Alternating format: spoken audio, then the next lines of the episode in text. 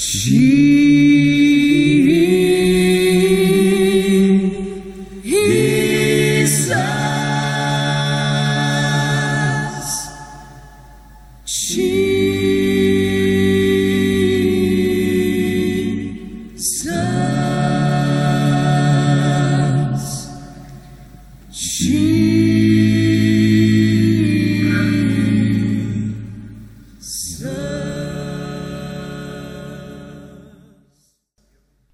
Välkommen med på en spännande resa med Jesuspodden. Dagens avsnitt heter Gud och pengarna. Jesus säger Ruva inte på skatter här nere där insekter och rost äter upp dem eller ännu värre, tjuvar stjäl dem. Lägg skatter på hög i himlen där varken insekter eller rost eller tjuvar kommer åt dem. Är det inte självklart egentligen där du har din skatt vill du vara och där hamnar du också. Dina ögon är kroppens fönster. Slår du upp ögonen i förundran och tilltro, då kommer ljuset in i din kropp. Men om du kisar med ögonen av girighet och misstro, stänger du in dig i en mörk och unken källarhåla.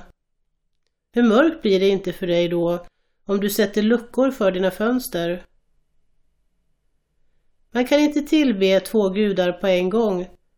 Älskar man en gud kommer man att avsky den andra. Ägnar man den ena sin dyrkan får den andra ens förakt. Ni kan inte tillbe både Gud och pengarna.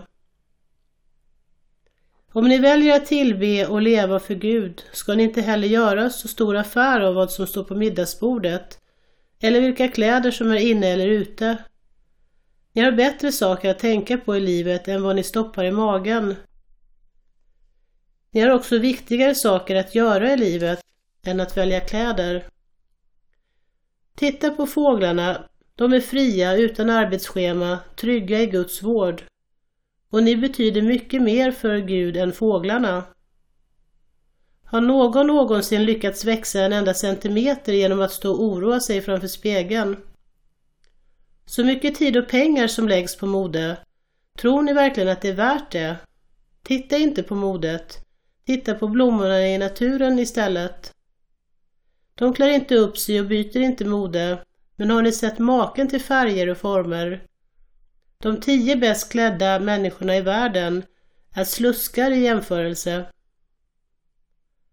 Och om Gud lägger ner ett sådant jobb på blommorna ute i naturen utan att någon ens ser dem, Tror ni inte att han skulle ta ännu mer hand om er, fröjdas åt er och göra allt för er?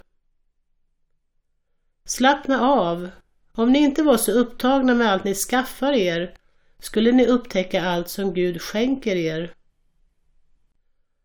Människor som inte känner Gud och inte vet hur han jobbar gör stor affär av sådana saker. Men ni både känner Gud och vet hur han gör saker. Ta vara på Guds verklighet Lita på Guds initiativ. Ta emot Guds omsorger.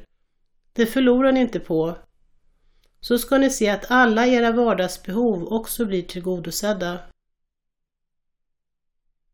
Jesus.